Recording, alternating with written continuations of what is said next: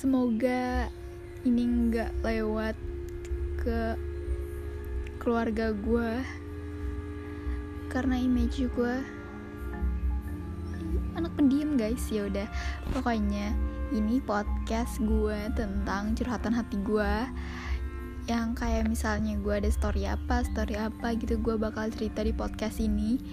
Mau itu senang atau sedih atau mau kesel apa gimana ya pokoknya tungguin aja di podcast gue ini.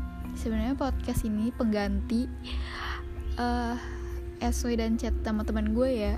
Karena kalau setiap gue suka VN cerita gitu karena ya lebih enak gak sih ceritanya daripada ngetik-ngetik gitu? Kan males ya pegel.